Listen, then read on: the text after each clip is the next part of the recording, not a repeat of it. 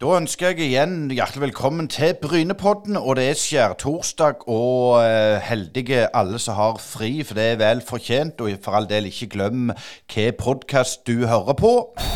Brynepoddene. Brynepodden er lyden av sport og litt djupere. Og litt djupere, det må vi vel kunne si at dagens hovedgjest òg er. Petter eh, Veland, det er stas å ha deg på eh, tråden her, Petter. Og hjertelig velkommen til oss i Brynepoddene. Takk for det. Veldig hyggelig å bli invitert. Du er litt dypere, det vil jeg påstå, for, for å si det sånn. Men, men, du er jo oppvokst, eh, eller født i Bergen og oppvokst i Odda. Og jeg sa det, må jo være en mest en podd om Odda, dette her. For uh, det er en liten arbeiderby, og du, du reiste derifra når du var 16 år. og Fortell litt om, om vår Odda. Hvordan var det den gang?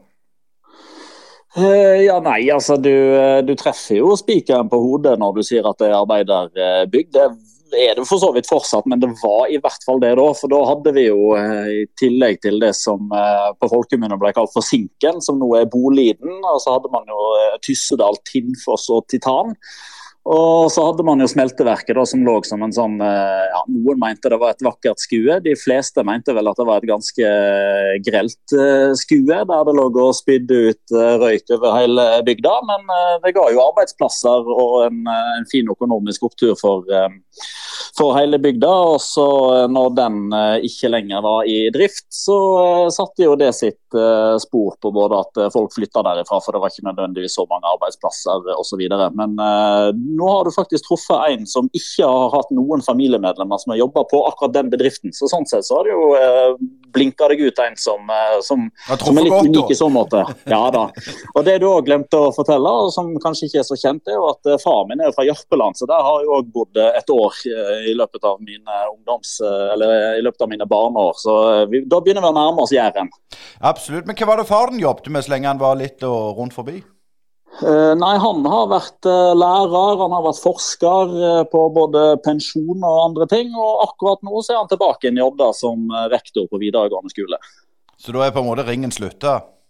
Da er ringen slutta. Da er han tilbake igjen. Eh, ikke der det starta for han, men der han havna etter at han fant kjærligheten. Ja, stemmer det. Den. Jeg skulle til å si den ødelegger mye, den, men det skal vi ikke, skal vi ikke snakke så mye om. Men, men du hadde jo òg eh, ambisjoner. Du, du, når du var 16, så reiste du eh, til Oslo og Norges toppidrettsgymnas. Og hva var det du mest sagt ville bli da? Nei, Da hadde jeg jo lyst til å bli profesjonell fotballspiller, da, sånn som uh, veldig mange gutter og jenter løper rundt med en, uh, en drøm om. Uh, og På et tidspunkt der så, så trodde jeg vel at det var, at det var mulig.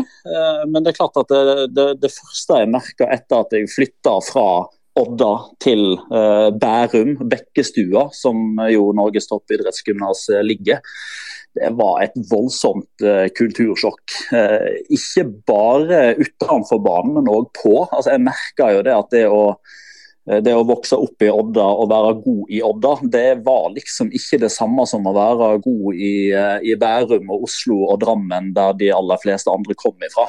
Så jeg merka jo brått det at at tre treninger og en kamp i uka, som jeg da hadde vært vant til som, eh, som guttespiller og til dels juniorspiller i Odda, det, det, var liksom ikke det samme som de som kom fra eh, gutteakademier her borte, som hadde blitt vant til å trene bortimot hver eneste dag. Så det var en, det var en voldsom eh, overgang for en, for en ja, da gutt som vel hadde brukt dress to ganger. Det var i en konfirmasjon i en begravelse. Og gikk i joggebukser og joggesko resten av året, egentlig, til å komme til motemekka Bærum. Men når du er inne på det akkurat det med den kulturen, ble du akseptert, eller ble du mobba som en, en bygdatulling, for å si det, si det rett ut?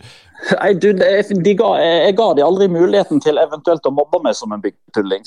Pappa flytta jo bort til Østlandet sammen med meg da jeg var 16. Da fikk han seg jobb samtidig, så det passa jo perfekt sånn sett.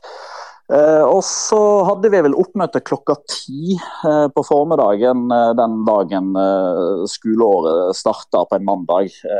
Men vi hadde liksom litt lyst til å være tidlig ute for å bli litt kjent med området, finne ut hvor lang tid det tar å gå til skolen osv. Så, vi gikk vel hjemmefra sånn i, i ni-draget, var framme kvart over ni. Eh, men da hadde jo andre og tredje på videregående hadde jo begynt allerede, fordi det var liksom ikke så Det, det var ikke første dag på, på Norges toppidrettsgymnas for de, så de starta til vanlig tid klokka åtte.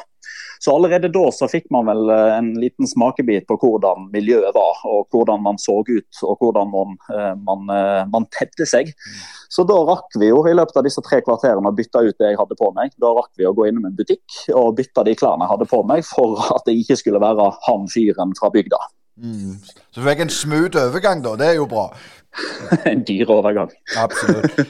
Men når du er inne på det med norsk toppidrettsgymnas, i dag så så jeg en, en, en statistikk at uh, så langt i dette skoleåret så har 23 nåværende og tidligere elever eh, NTG altså tatt 25 VM-medaljer.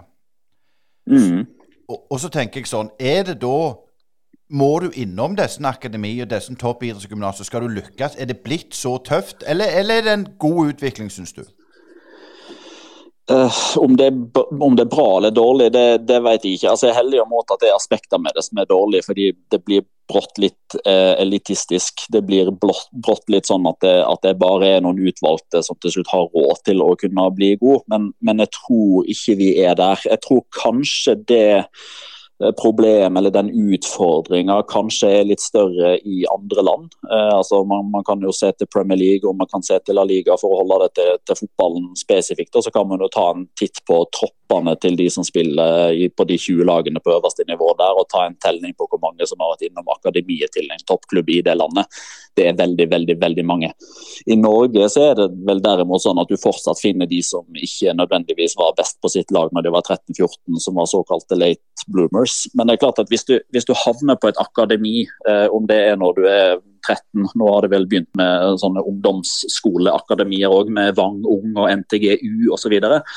Men eh, jeg på, på, eh, på, på min tid, holdt, jeg på å si, altså jeg gikk jo da på videregående fra 2003 til 2005, var det vel. Da mener jeg å huske at uh, i tippeligaen da, altså i 2007, det vil si i tidsperioden to til fire år etter at man da hadde gått ut fra, fra videregående, så var under halvparten akademispillere. vil Si at da var det over halvparten som ikke hadde gått den veien. Um, og så har jeg ikke nødvendigvis de oppdaterte tallene der, men uh, Altså, Hvordan definerer man akademi, er jo kanskje kjernen her. fordi De aller fleste eliteserie- og Obos-klubber nå har jo eh, yngres avdeling som blir drevet veldig godt, uten at det nødvendigvis blir eh, klassifisert som et akademi.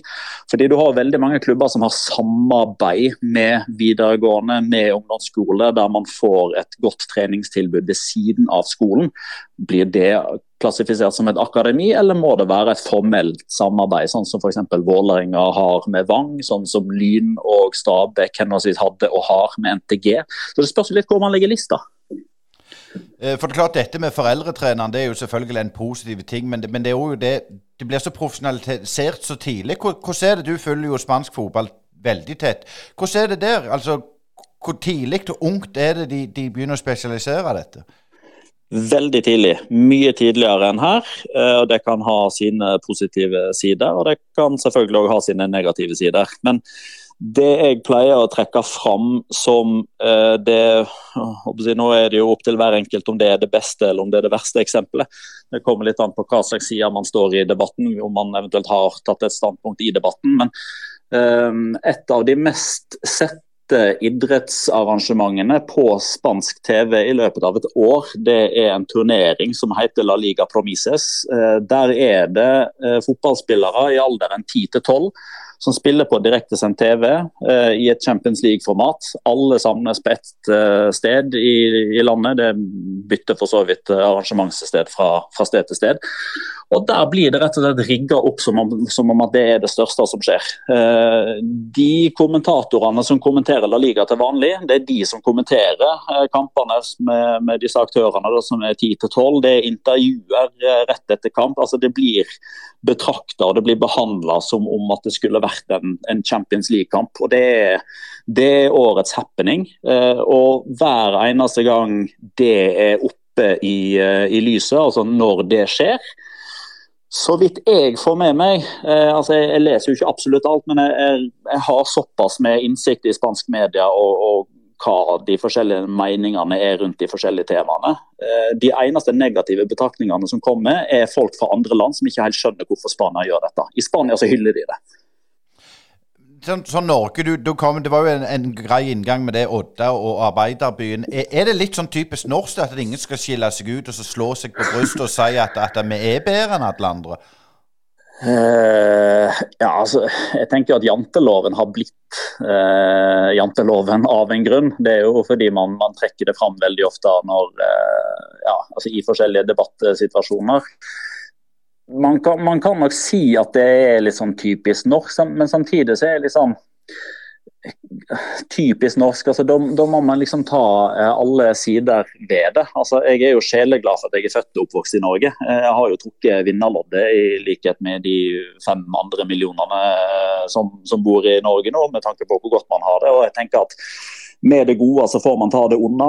Ehm, det er litt sånn småslitsomt å alltid gå rundt og tenke at man ikke skal skille seg ut, hvis man er liksom bevisst på det. Eh, at man kanskje ikke nødvendigvis sier eller tenker alt man mener til enhver tid, i frykt for liksom hva, hva tenker opinionen om det. Man har jo ikke lyst til å skille seg ut eh, noe særlig, det er jo kanskje også litt sånn typisk norsk. men på den ene sida så tenker jeg at det liksom, eh, hvis, hvis, det er eh, i hermetegn negativt med å bo i Norge og være norsk, så tenker jeg at da, da har vi det ganske greit.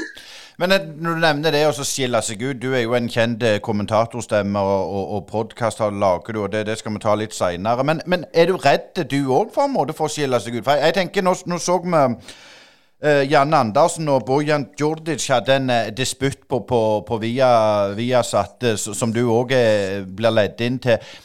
Er, altså meg og deg òg kan jo skape overskrift i denne poden, for vi vet hva vi skal si. Men er det blitt sånn at, at det dype, det gode journalistiske arbeidet er ikke så viktig lenger? Jo, jeg mener at det er kjempeviktig. Uh, og kanskje viktigere enn noensinne, sett i lys av den samfunnsdebatten er noe med woke og anti-woke. Uh, det er sånn som jeg registrerer, men som jeg ikke har noe spesielt uh, hva skal jeg si, jeg har ikke kompetanse eh, eller sterke nok meninger til å, til å, mene så veldig mye rundt det. Altså, en, av, en av mine livsregler, og kall det gjerne et motto, er at hvis man har sterke meninger om alt, hvis man skal ha utestemme av capslock når man uttaler seg eller skal skrive noe i kommentarfeltet osv. Hvis du har sterke meninger om alt, så har du egentlig ikke sterke meninger. Da har du bare et oppmerksomhetsbehov. Jeg snakker høyt om det jeg kan. Uh, hvis det er spansk fotball, om det er engelsk fotball, om det er tysk fotball, om det er landslag osv. Der, der tør jeg å si meningene mine. fordi Hvis noen utfordrer meningene mine, så, så kjenner jeg meg selv godt nok at jeg har uh, hva skal jeg si, nok kunnskap i banken. Jeg har sterk nok ballast og nok erfaring innenfor temaet fotball til at jeg kan til enhver tid forklare hva synspunktet mitt er. Og så er det helt greit hvis folk er uenige. Mm. Uh, men jeg er aldri redd for å mene noe og så bli tatt på at det ikke ligger uh, si, kunnskap til å kunne mene noe om det i bånn. Uh, handler det derimot om politikk eller fysikk eller kjemi, der kjenner jeg mine begrensninger. Så der får du heller ikke høre meningene mine, fordi de er ikke så veldig sterke. Men det er jo mange, hvis du ser på sosiale medier, influensere, de mener jo mangt om alt. og, og da blir jo det dratt fram i media som en sannhet for å skape debatt. Og det er det jeg ikke helt klarer å forstå at folk Hvorfor er det sånn, tror du? Nei, Det er et godt spørsmål. Og, og hvorfor og hvordan man havner der, det er kanskje noe man kan eh, se tilbake igjen på og få litt mer svar på om en fem-ti år, når man eh, håper jeg, har nok grunnlag til å se tilbake igjen på det. Men akkurat det med å eh, altså det å være influenser er jo på en måte noe jeg har stor respekt for, fordi man, eh, man blir så enormt eksponert. Eh, og alt man sier blir tolka av absolutt alle i samfunnet. Men samtidig så er det jo et valg man har tatt sjøl. Det er ikke noen som jeg, blir influenser ufrivillig eller uten å vite hvorfor man har blitt det. Det er jo en posisjon man tar. Eh, men da handler det jo til syvende og sist litt om det ansvaret man føler på sjøl, eller som man eventuelt tar sjøl. Altså, bør influenser X mene noe om absolutt alt, eller bør vedkommende holde seg til det han eller hun har kunnskap om? Eh, og Det er jo nettopp der eh, min bevissthet kommer, på at jeg er trygg på at jeg kan nok om fotball til at man i nesten enhver setting kan stå for det man mener, og så kan man ha en debatt om, om eh, om det som blir sagt, om det er riktig eller om det er feil. Men sakligheten må liksom alltid ligge i bånn. Jo, men Siste spørsmål gjelder det når du ser de influenserne som tjener Nå skal, skal jeg ikke si at jeg vet hva du tjener, men de tjener jo vanvittig mye penger på å mene om ting de ikke har peiling på. Kjenner ikke du det som en ekspert, at, at det er litt irriterende? Vet du hva, det, det, får jeg ikke gjort noe med. Eh, og så lenge jeg ikke får gjort noe med det, så pleier jeg heller ikke å bruke spesielt mange kalorier på å irritere meg om det. Eh, altså, jeg er mer glad i sol enn snø. Jeg er mer eh, glad i strand enn fjell, men jeg bor i Norge, så jeg får liksom ikke gjort noe med det. Hadde jeg hatt lyst til å gjort noe med det, så hadde jeg flytta til et uh, sted der det var mer uh, strand og varme. Eh, men det gjør jeg ikke, og så lenge jeg og da aktivt ikke tar det valget og blir værende et sted der det er mer regn og snø enn sol, og det er mer fjell enn strand, så må jeg nesten bare sitte stille og akseptere akseptere det. Det må du akseptere, og nå skal du få vite at det, vi driver ikke med influenserjournalistikk. Du hører nå på Brynepoddene, en uavhengig og litt dypere podkast som gir deg lyden av ekte sport. Vi har studio på Bryne, og herifra sender vi deg motstemmen til den overflatiske og klikkorienterte sportsjournalistikken. Gå inn og se i vår nettbutikk på Bryne Paddene med dobbel a.podbean.com, og følg oss i sosiale medier. Ja, Vi må over til din fotballkarriere, Petter. For uh, du prøvde og var i en juniorfinale med Lyn, men uh, du var vel egentlig aldri i nærheten, var du det? Nei, jeg var egentlig ikke det. Eh, det er, det er, veldig mange som skylder på, eh, på sykdom eller skade osv. Men altså, den innsatsen som jeg la ned i alderen 16 18, når jeg virkelig hadde muligheten, den, den var ikke god nok. Og det, det, kan jeg på mange måter si nå når jeg har blitt voksen og ser tilbake igjen på det. Hadde jeg hatt, eh, si, hadde jeg hatt den kunnskapen jeg har nå, hadde jeg hatt den selvtilliten jeg har nå, hadde jeg hatt den kunnskapen jeg har nå, da er jeg ganske sikker på at mine fotballegenskaper som jeg hadde i bånn, mine fysiske forutsetninger osv., hadde jeg visst hva som skulle til for å bli eliteserienspiller, så tror jeg at det hadde blitt det. Men i alderen 16-18 år så hadde jeg ikke verktøyene i banken til å være sterk nok, verken, verken mentalt eller, eller, fysisk. Så det, det stoppa med en, eh, med en eh, juniorkarriere i, eh, i, Lyn, som var fin, den. Vi vant uh, Jet Cup på Hamar, vi vant Color Line Cup i Ålesund, og vi spilte NM-finale mot, uh, mot, Rosenborg og Alexander Tetti og Per Siljan Skjelbred og et par andre som, som faktisk klarte å, å slå gjennom. Men A-kamp for Lyn, det ble det aldri. Men det Lyn der, det var jo i, i Tippeligaen den gang. og Følger du med Lyn i dag?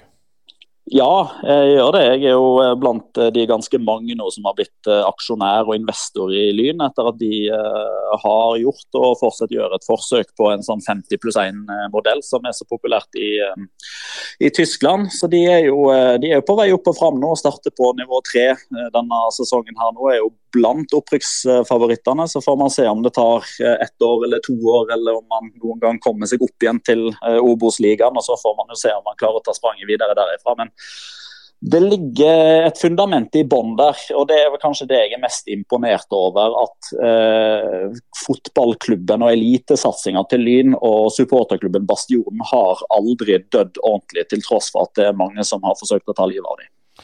Nei, og, og Jan Halvor Halvorsen er jo en ringrev som er venn av Brynepodden, for å si det sånn. Men hvis du ser på Oslo-fotballen, der er det jo Vålerenga nå. Der er, der er det veldig eh, turbulent, det vet jeg. Eh, lyn virker det som at det er mer, mer ro. Eh, det, det, nå skulle jeg si de hadde flere Obos-ligalag. De har rykket ned. Skeid holdt på å rykke ned, og, og, og Grorud rykte ned. Hvor, hvor tett er du på den norske fotballen i hovedstaden? Det er tett nok til at jeg kan uh, slå fast, i likhet med ganske mange andre, at ingen har klart å ta den posisjonen som nummer to i Lyn. Uh, til tross for at de har vært nede og kava så langt nede som uh, nivå nummer sju. Altså, mm.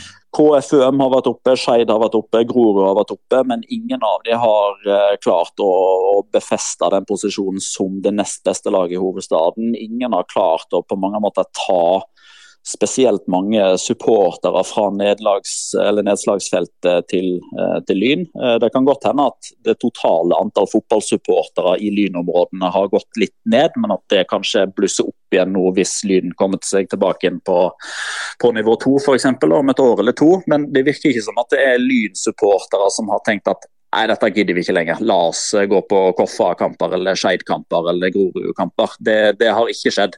Um, og så kan jo det òg fortelle en uh, historie som er ganske uh, mer sammensatt enn som så. Da. Men jeg tror man, uh, man finner noen eksempler på hovedstader som er dårligere i fotball enn en Oslo. men det er veldig mange bedre hovedstader rundt omkring i Europa. Og det har vel egentlig kjennetegna Oslo-fotballen ja, egentlig gjennom alle tider, egentlig. At i motsetning til i England, i Spania, i Skottland, i Sverige, Danmark, eh, der er det liksom hovedstadslag som er oppe og nikker i toppen hele tida. Jevnt over gjennom hele historien. Det er ikke tilfellet i Norge. Men tror du det er Vålerenga sin egen feil? Hvis vi tar, nå sier det til en lynmann at det er Vålerenga gjerne det som har størst potensial, men er det deres egen feil? Ja, jeg kan liksom ikke helt se hvem andre kan skylde på. Eh, på et tidspunkt der, eh, når Lyn forsøkte å hva skal jeg si, internasjonalisere seg og gå bort fra vestkantstempelet når de ble FC Lyn Oslo eh, og skulle liksom bli Norges FC København på, på, et eller annet vis. Da kan man på mange måter ta til orde for at man kanskje spente litt bein på hverandre. At i stedet for at det ble én stor klubb, som ofte er tilfellet i en hovedstad, så var det to som, var, som gikk eh, hode mot hode og kanskje stjal litt supportere fra hverandre og sørga for at fordelinga var såpass eh, om ikke jevnt fordelt, så iallfall jevnere fordelt enn en normalt. At det som kanskje da vokste opp som potensielle Vålerenga-supportere, ble Lyn-supportere i stedet pga. at altså, man hadde valget mellom, eh, mellom A og B. Eh, og da var det jo tradisjonelt sett så er det jo flere Vålerenga-supportere, og det kommer det nok til å være i all overskuelig framtid òg, pga. at man har, man har, den tradisjonen, man har den standinga i, i, Oslo. Men samtidig så er den jo ikke sterk nok til at man klarer å fylle Intility Arena, som jeg for øvrig står og ser på as we speak. Altså, den, den er jo ikke full sesongen gjennom, og det er jo egentlig egentlig helt utrolig at en hovedstadsklubb ikke klarer å fylle en stadion som ikke tar eh, så veldig mye mer enn eh, hva den tar 14 000. Så det, det, burde være det burde være egentlig ganske enkelt å fylle den, uansett om det er Lillestrøm, eller om det er Ålesund, eller om det er Start, eller om det er Viking, eller om det er hvem som helst som kommer på besøk. Den, den skal egentlig være full hver gang. Eh, med den erfaringen på, på hovedstader rundt i Europa, så er det jeg alltid lurt på det. Vålerenga hører vi jo stjeler talenter. sant? Du vet jo hvordan det er. Øyelegger lag nedover i, i, i um, lokalfotballen osv. Hvordan er det i, i de store eh, hovedstadene i Europa? Er det sånn at de hyller de når de får en, en, en, en spiller opp, eller er det òg sånn der at nå støvsuger de? Hvordan er mekanismene der? Ja, Der tipper jeg at det er egentlig ganske eh, likt. Eh, altså, jeg, jeg, skal ikke sitte her og hevde at jeg har full kontroll på hva som foregår i Roma og Praha og Istanbul. Eh, for så vidt ikke Istanbul en hovedstad, la oss si Ankara. da. Mm. Eh, men, eh, men f.eks. I, i Spania og England så er det, så er det nok sånn at hvis man lykkes, altså hvis man f.eks. får fram et lokalt talent fra, fra nærområdet eller hva skal jeg si, Stor-London eller Stor-Madrid f.eks., så, så er man veldig stolt av det. Eh, og man forstår sin plass i hierarkiet og i næringskjeden. Altså Er man en lokal klubb fra utkanten av Madrid, så, så skjønner man sin posisjon i fotballhierarkiet. Da er man en, en breddeklubb, eh, og da er det begrensa hvor langt opp i divisjonssystemet et potensielt A-lag kan komme. Eh, da handler det primært om å ha gode relasjoner til de store klubbene. fordi Altså, til, altså man, man, snakker jo veldig mye om at, eh, om at, de store klubbene støvsuger de mindre klubbene i, i regionen og i fylket for, eh, for talenter, men samtidig så er det jo det bør i alle fall være sånn at, eh, at det bør da tilfalle denne moderklubben eh, noe i form av kompensasjonspenger hvis spilleren blir god eh, og blir solgt videre, f.eks. utdanningskompensasjon, solidaritetsmidler. Eh, samtidig så er det jo ofte sånn at eh, klubber inngår eh, samarbeid og en del av en form for sånn paraplyorganisasjon i et kretsforbund f.eks. Eh, akkurat det har jeg ikke nok eh, kunnskap om hvordan foregår i Norge med, med tanke på økonomisk støtte osv. Men jeg vet at i Spania så er det en av de største inntektskildene for såkalte breddeklubber. er jo nettopp det de får fra det som er øremerka midler som blir satt av til å hjelpe mindre klubber i lokalområdet, mot at det da på mange måter blir en sånn aksept som ligger i bånn at fostermannen fant en god spiller, ok, men da havner den hos eliteklubben. Eh, men òg dette med politisering av, av norsk fotball etter Lise Klavenes kom som, som uh, leder. Er det på en måte er det noe dere som er litt ute i Europa får høre at, at det er blitt sånn, eller, eller, er hun bare på en måte en the, the noisy neighbor, ikke det de sier? At det er mye støy? Hvordan oppfatter Europa det? Uh, nei, altså, jeg har jo hva skal jeg si, jeg har jo vokst opp med å bli fortalt at fotball og politikk ikke skal blandes. Altså, det, det har jo blitt sagt veldig ofte her i, i Norge, og så skjønner jeg at det har blitt annerledes nå. og det, der har man på mange måter bare fulgt strømmen. Altså det, på et tidspunkt så ble det uunngåelig. at man, man, kunne ikke slutte å fable, altså man, man, kunne ikke fortsette å fable om at sport og politikk ikke skulle blandes, fordi alle gjør det. Det var bare ikke en aksept for å snakke høyt om det. Sånn har det jo vært i alle andre nasjoner. Eh, det landet som jeg har fulgt tettest med tanke på sport og politikk, og spesielt til fotball, er jo Spania, der, som jeg har fulgt eh, tett i, i, 20 år nå. og Det har jo vært to vidt forskjellige verdener, men samtidig veldig likt. Altså, I Spania så har man blanda sport og politikk fra dag én. Altså, siden slutten av 1800-tallet, når de første klubbene ble stifta der nede, så var det politisk anlagte klubber. så det var Kall det gjerne politikere som spilte fotball på fritida.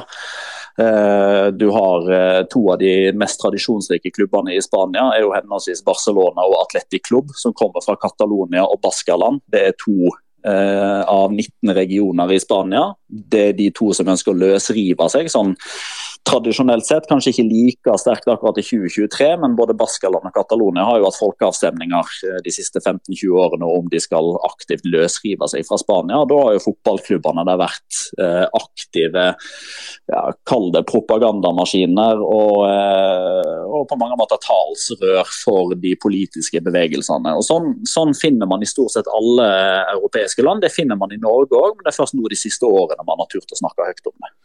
Eh, det, vi snakker jo mye om, eh, om, like muligheter, og da er det jo litt sånn Dette med boikott, vi ser Russland og, og, alt dette her er, det er liksom, Jeg føler den vanlige supporter er ikke så opptatt av det. Han blir liksom bare kose seg med fotballen. Har det blitt litt ødelagt òg, eller er det bare en del av eh, noe som vi må forholde oss til? Det, det, er et veldig godt spørsmål.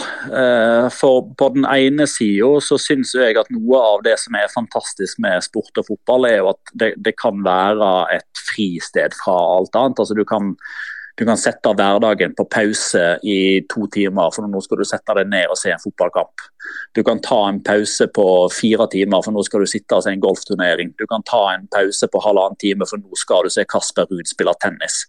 Eh, men det har på mange måter blitt litt vanskelig nå, fordi eh, i tråd med at eh, si, her til lands er noen få enkeltpersoner og noen små medier som har satt veldig fokus på menneskerettigheter, på Fifa, på, på liv i, i golfsammenheng osv.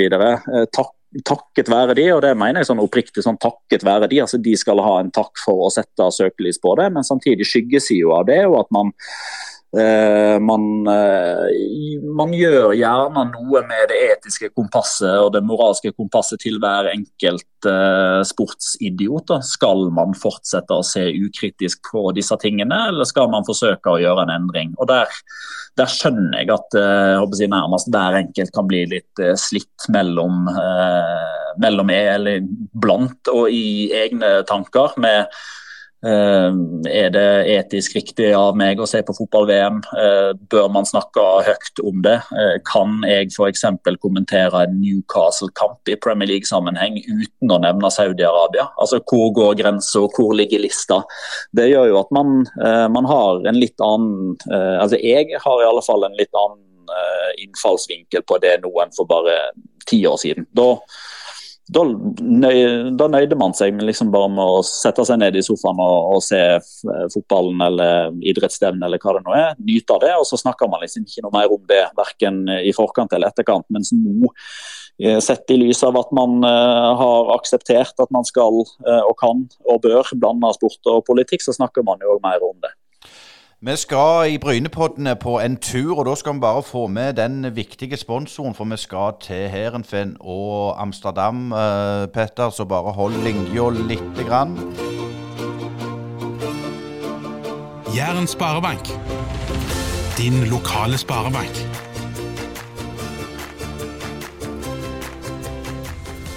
Ja, vi skal som sagt til Heerenveen i uh, ja, det blir om noen dager. Vi skal følge og har avtalt intervju med Daniel Karlsbakk. og Det er jo en som har kommet opp og, og spilt i Heerenveen. Og eh, fotballen i Nederland, der snakker vi akademi og mye kvalitet.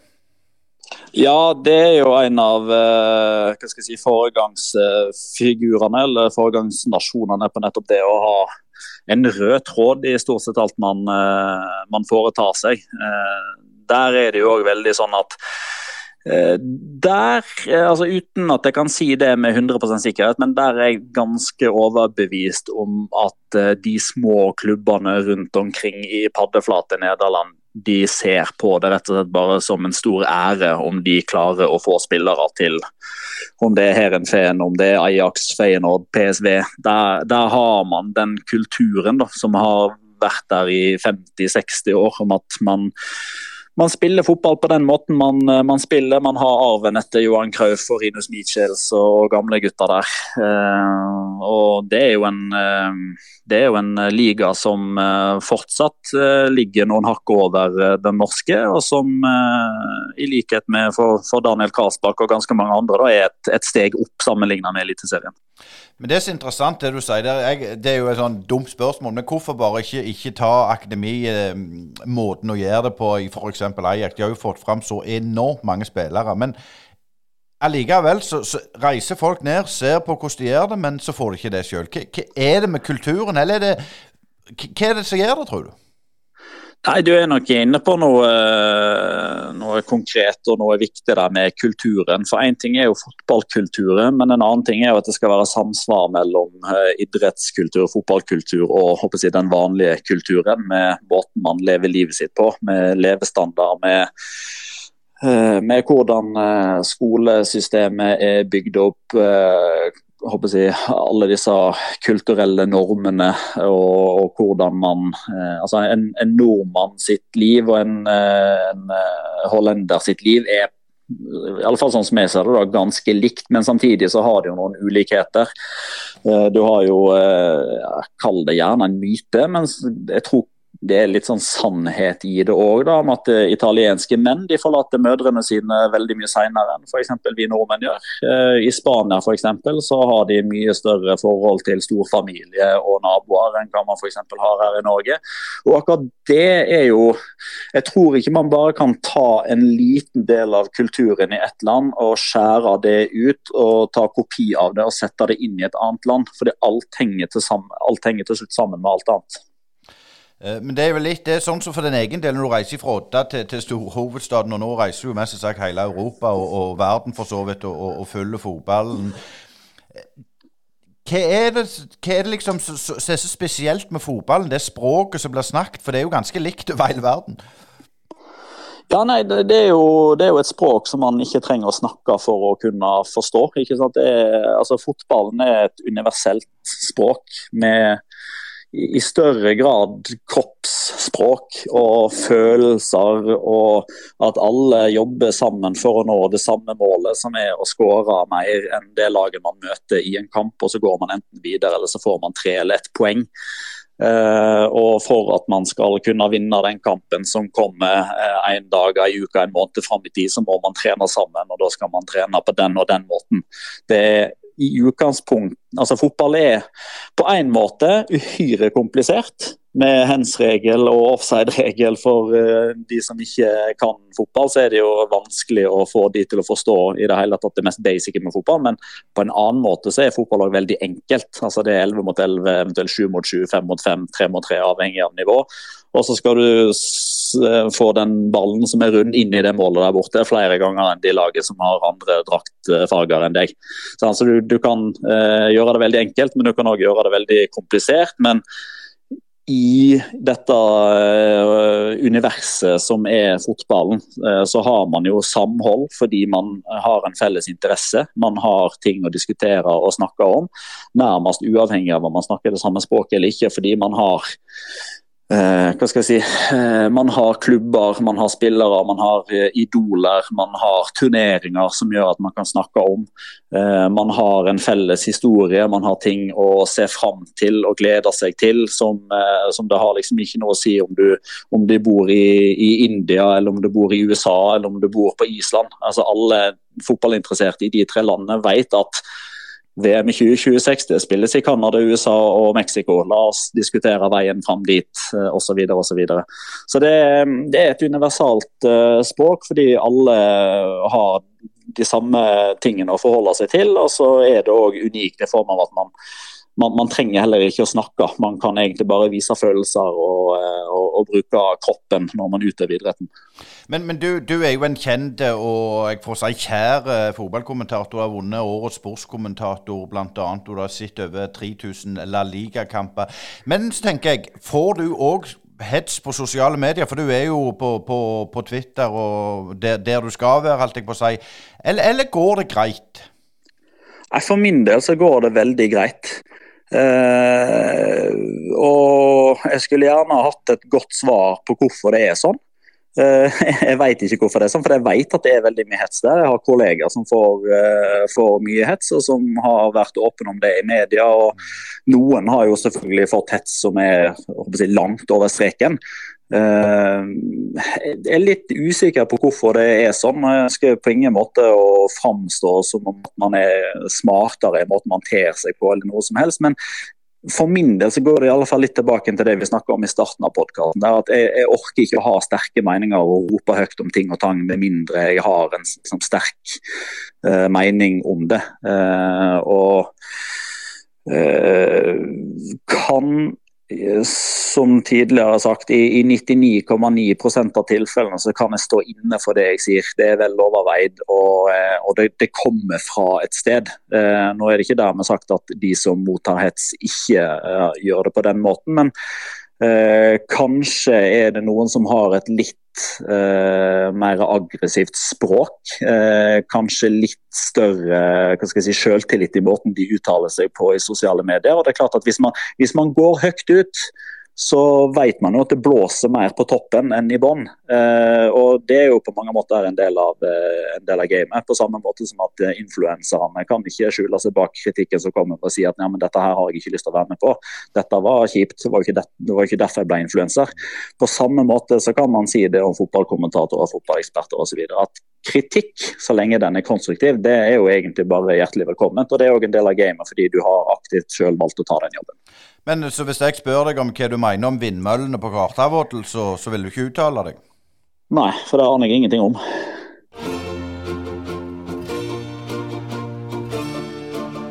Jæren sparebank. Din lokale sparebank.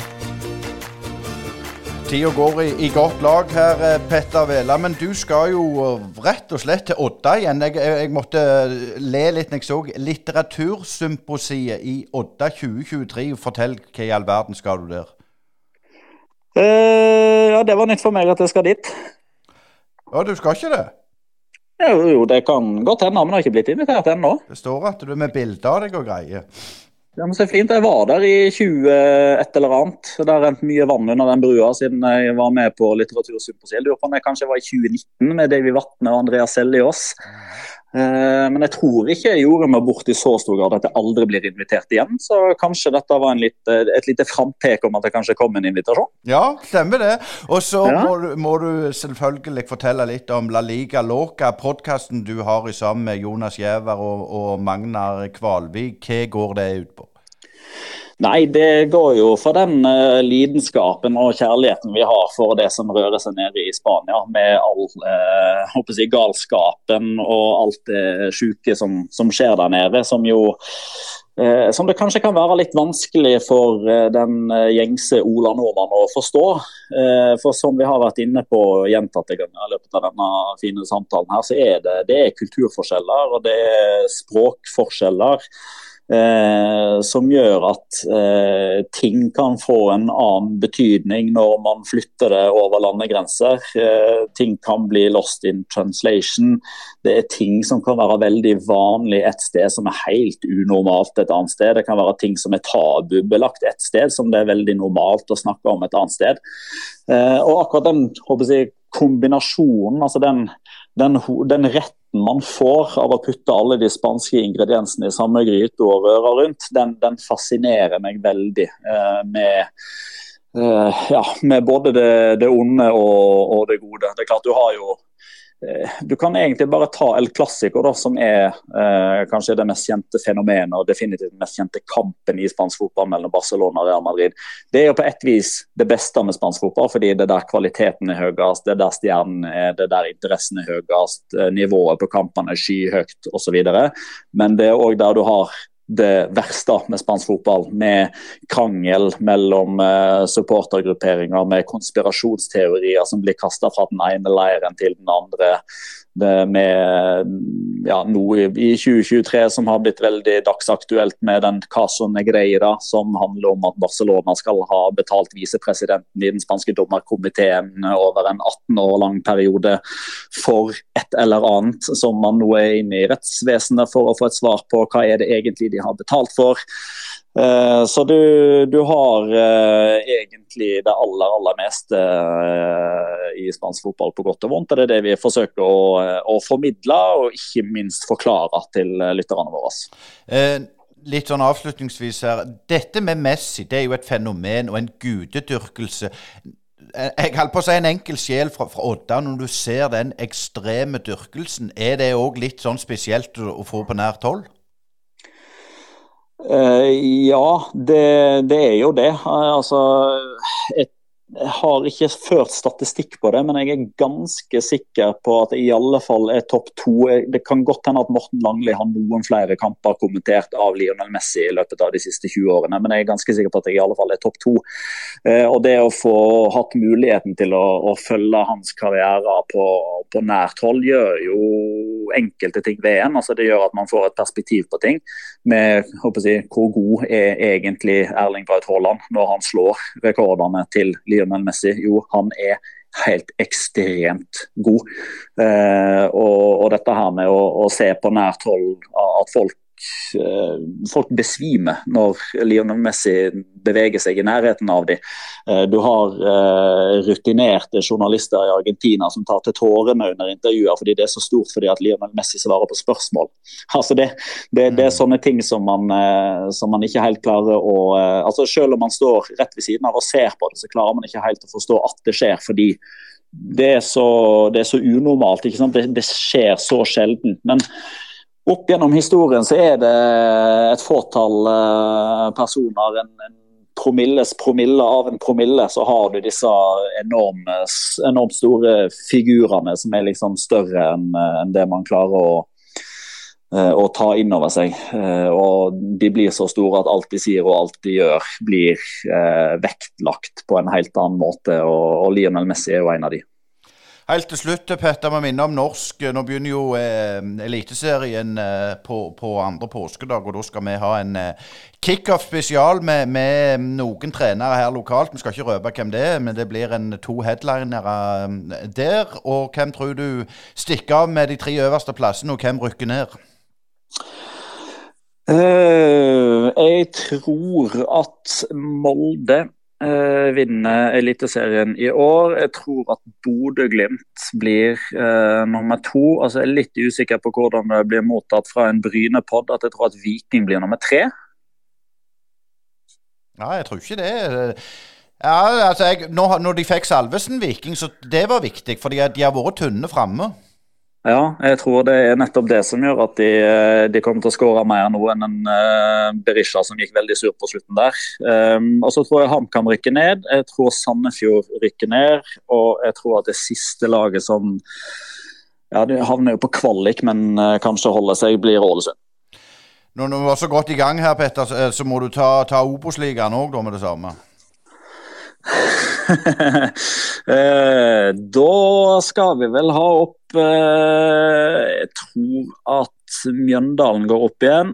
Eh, og så tror jeg at Kristiansund går opp. og så tror jeg at Skal jeg ta de som rykker ned der òg? Ja.